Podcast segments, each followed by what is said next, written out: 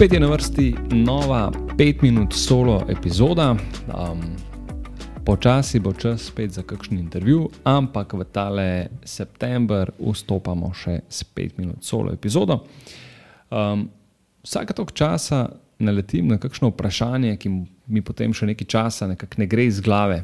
Um, kakšno tisto močno vprašanje, ki spodbudi miselni proces ali kot bi rekel znani performance coach, oziroma kot on pravi, exponential coach, Rich Litvin, so to vprašanja, ki jim sledi običajno neki tišine in na, na to si rečeš, hm. In od tam naprej je življenje nekoliko drugačno, oziroma do neke mere spe, spremenjeno zavedno. Tokrat se je to vprašanje glasilo, kakšen je tvoj idealen povprečen dan. Torej, ne neki idealen dan, ko bi ležal nekje na plaži v neki hudi eksotiki, ampak pač dan, kot jih preživiš večina let, večinoma dni v letu, kot preživiš večinoma dni v letu. Recimo. In ko pomislim, da je v bistvu največji krivec za neko slabo voljo ali pa neko nezadovoljstvo, običajno ravno to um, neko odstopanje med pričakovanjem oziroma nekim želenim in dejanskim stanjem, potem lahko rečem, da ima to vprašanje res kar veliko težo. Um, če si, na primer, rečem, da je moj idealen dan, kot sem prej omenil, da ne vem, ležim nekje na plaži, ne vem, na Maldivih, skratka, neko idealizirano življenje, kaj iz enega takšnega ličnega Instagram posta. In si potem to primerjam z nekim povprečno preživetim dnevom, ko se zjutraj mudi, pa je treba spraviti otroke v vrtec, pa v šolo, pa na to se mudi naprej v službo, pa je služba na neko dejavnost. Skratka, odstopanje med tistim, idealom, pa med dejanskim stanjem je kar precejšnje, oziroma je ogromno, in je lahko to tudi potem nek razlog za nezadovoljstvo, oziroma pogosto to tudi ne deluje ravno najbolj spodbudno, spodbudno saj želeno stanje um, je v bistvu videti lahko kar precej utopično.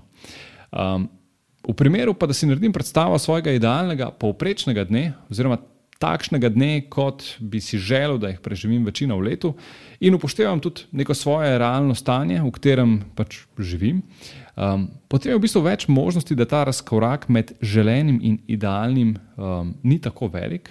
In um, se v bistvu pogosto je tako, da se pa tega, da. da um, da ta razkorak ni velik, niti ne zavedamo. Ne? Mogoče, mogoče živimo, skratka, lahko, v bistvu lahko živimo nek svoj idealen, povprečen dan že sedaj, ampak ker se vedno nekako zamišljamo tisti ideal od ideala, dejansko um, ne vemo, da je lahko naše življenje že zelo v redu. Ne?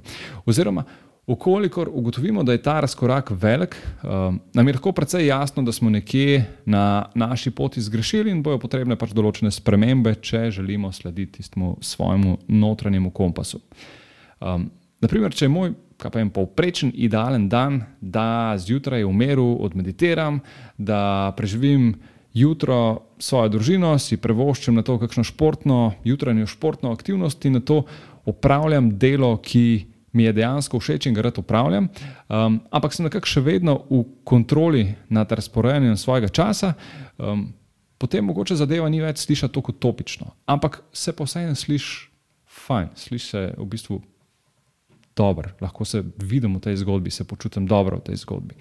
Um, In je nekako tudi, v bistvu, konec koncev, če so neka odstopanja, jih je tudi precej lažje najti. Um, lahko hitro vidiš, kjer del dneva je pa tisti, ki se ne ujema um, moje, moj ideal ali pa ideal povprečnega dne z nekim realnim stanjem, pa je mogoče tudi lažje korigirati te določene um, delčke dneva.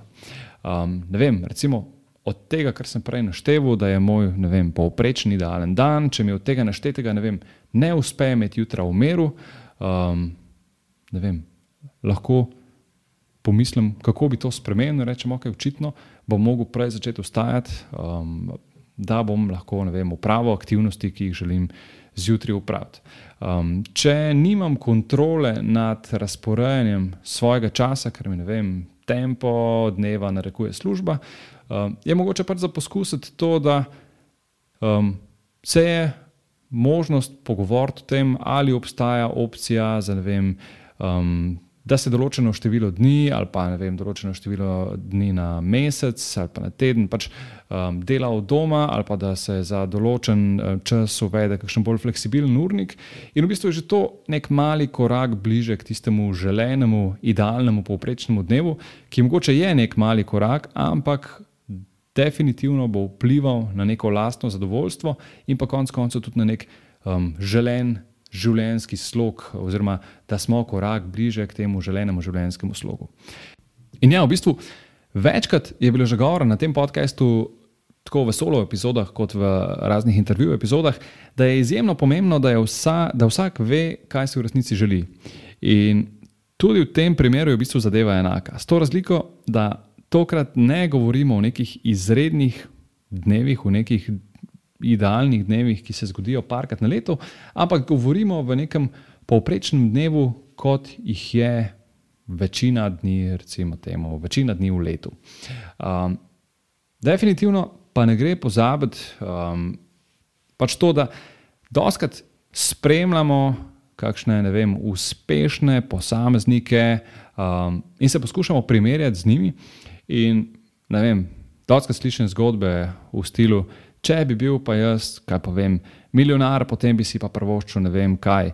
Um, potem pa ne bi več delal, vse bi bilo po moje, um, jaz bi res užival in tako naprej.